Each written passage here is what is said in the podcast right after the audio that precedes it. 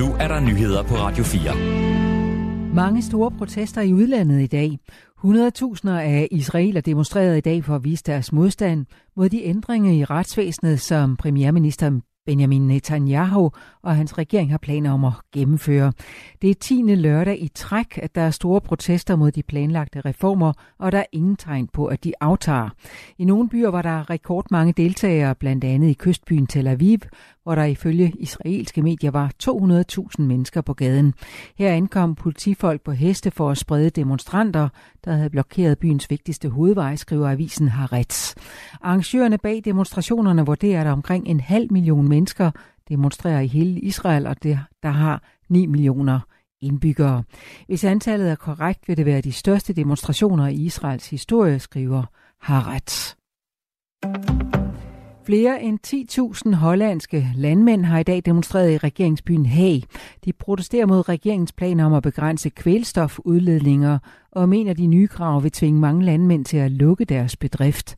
Der er ikke noget kvælstofproblem og ingen landmænd, ingen fødevare lød teksten på nogle af de bannere, som landmændene havde med til demonstrationen, skriver DR. Der er regionalvalg i Holland på onsdag. Her har landmændene opbakning fra partier, på den yderste højrefløj.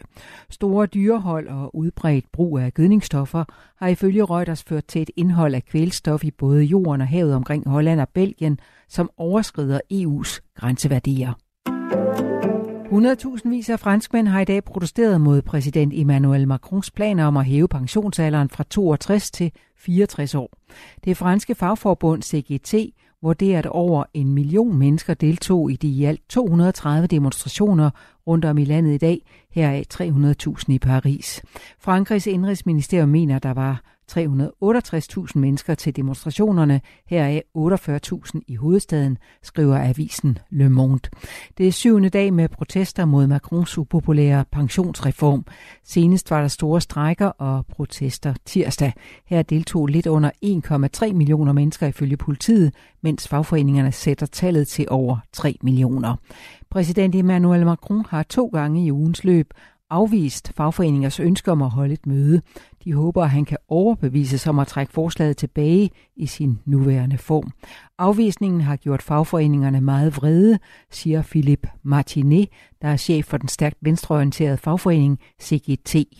Han mener, at spørgsmålet om at hæve pensionsalderen med to år skal til folkeafstemning. Udenrigsminister Lars Løkke Rasmussen vil igen tillade dansk våbeneksport til Saudi-Arabien og de forenede arabiske emirater. Det forstår enhedslistens gruppeformand Peter Velblund ikke. Jeg betragter det som et, øh, et fuldstændig rystende brud øh, på den praksis, vi har haft indtil nu.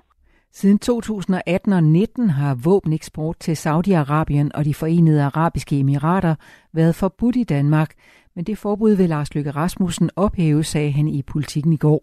Forbuddet blev besluttet, da Lars Løkke Rasmussen selv var statsminister og formand for Venstre. Det skete efter mordet på den saudiske journalist Gamal Khashoggi og af frygt for, at det militære udstyr kunne blive brugt i krigen mod Yemen. Jeg synes, vi her taler om et, øh, et tyrannisk øh, forbryderregime, øh, som er homofobisk, som er kvindeundertrykkende, som er menneskerettighedskrænkende, siger Peter Velblund. Lars Løkke Rasmussen erkender i politikken, at det er et stort dilemma at tillade våbeneksport til de to lande igen, men at der i virkelighedens verden er brug for våben. Enhedslisten har kaldt udenrigsministeren i samråd, hvor Lars Løkke Rasmussen skal forklare sin beslutning. Flere nye overenskomstaftaler er forhandlet på plads i dag. Det gælder blandt andet for VVS-området, HK-ansatte og journalister på Dagbladet. Natten til i dag blev der indgået et forlig mellem Teknik Arbejdsgiveren på den ene side og Blik- og Rørarbejderforbundet og Dansk Metal på den anden side, oplyser arbejdsgiverne Teknik i en pressemeddelelse. Aftalen gælder de næste to år for ca. 9.000 VVS'ere og betyder blandt andet øget ligestilling på barselsområdet og en udvikling af akkordområdet. Også HK Privat, HK Handler og Dansk Industri har fået en ny overenskomstaftale. Aftalen giver 4% lønstigning. Og Dansk Journalistforbund og Danske Mediers Arbejdsgiverforening har også fået en ny overenskomst, og her får man en lønregulering på godt 6% over en toårig periode. I nat stadig snebyer i den østlige del, ellers klart vejr mellem frysepunktet og 5 graders frost. Og så får vi en let til frisk vind fra vest og nordvest, der aftager og bliver svag til jævn.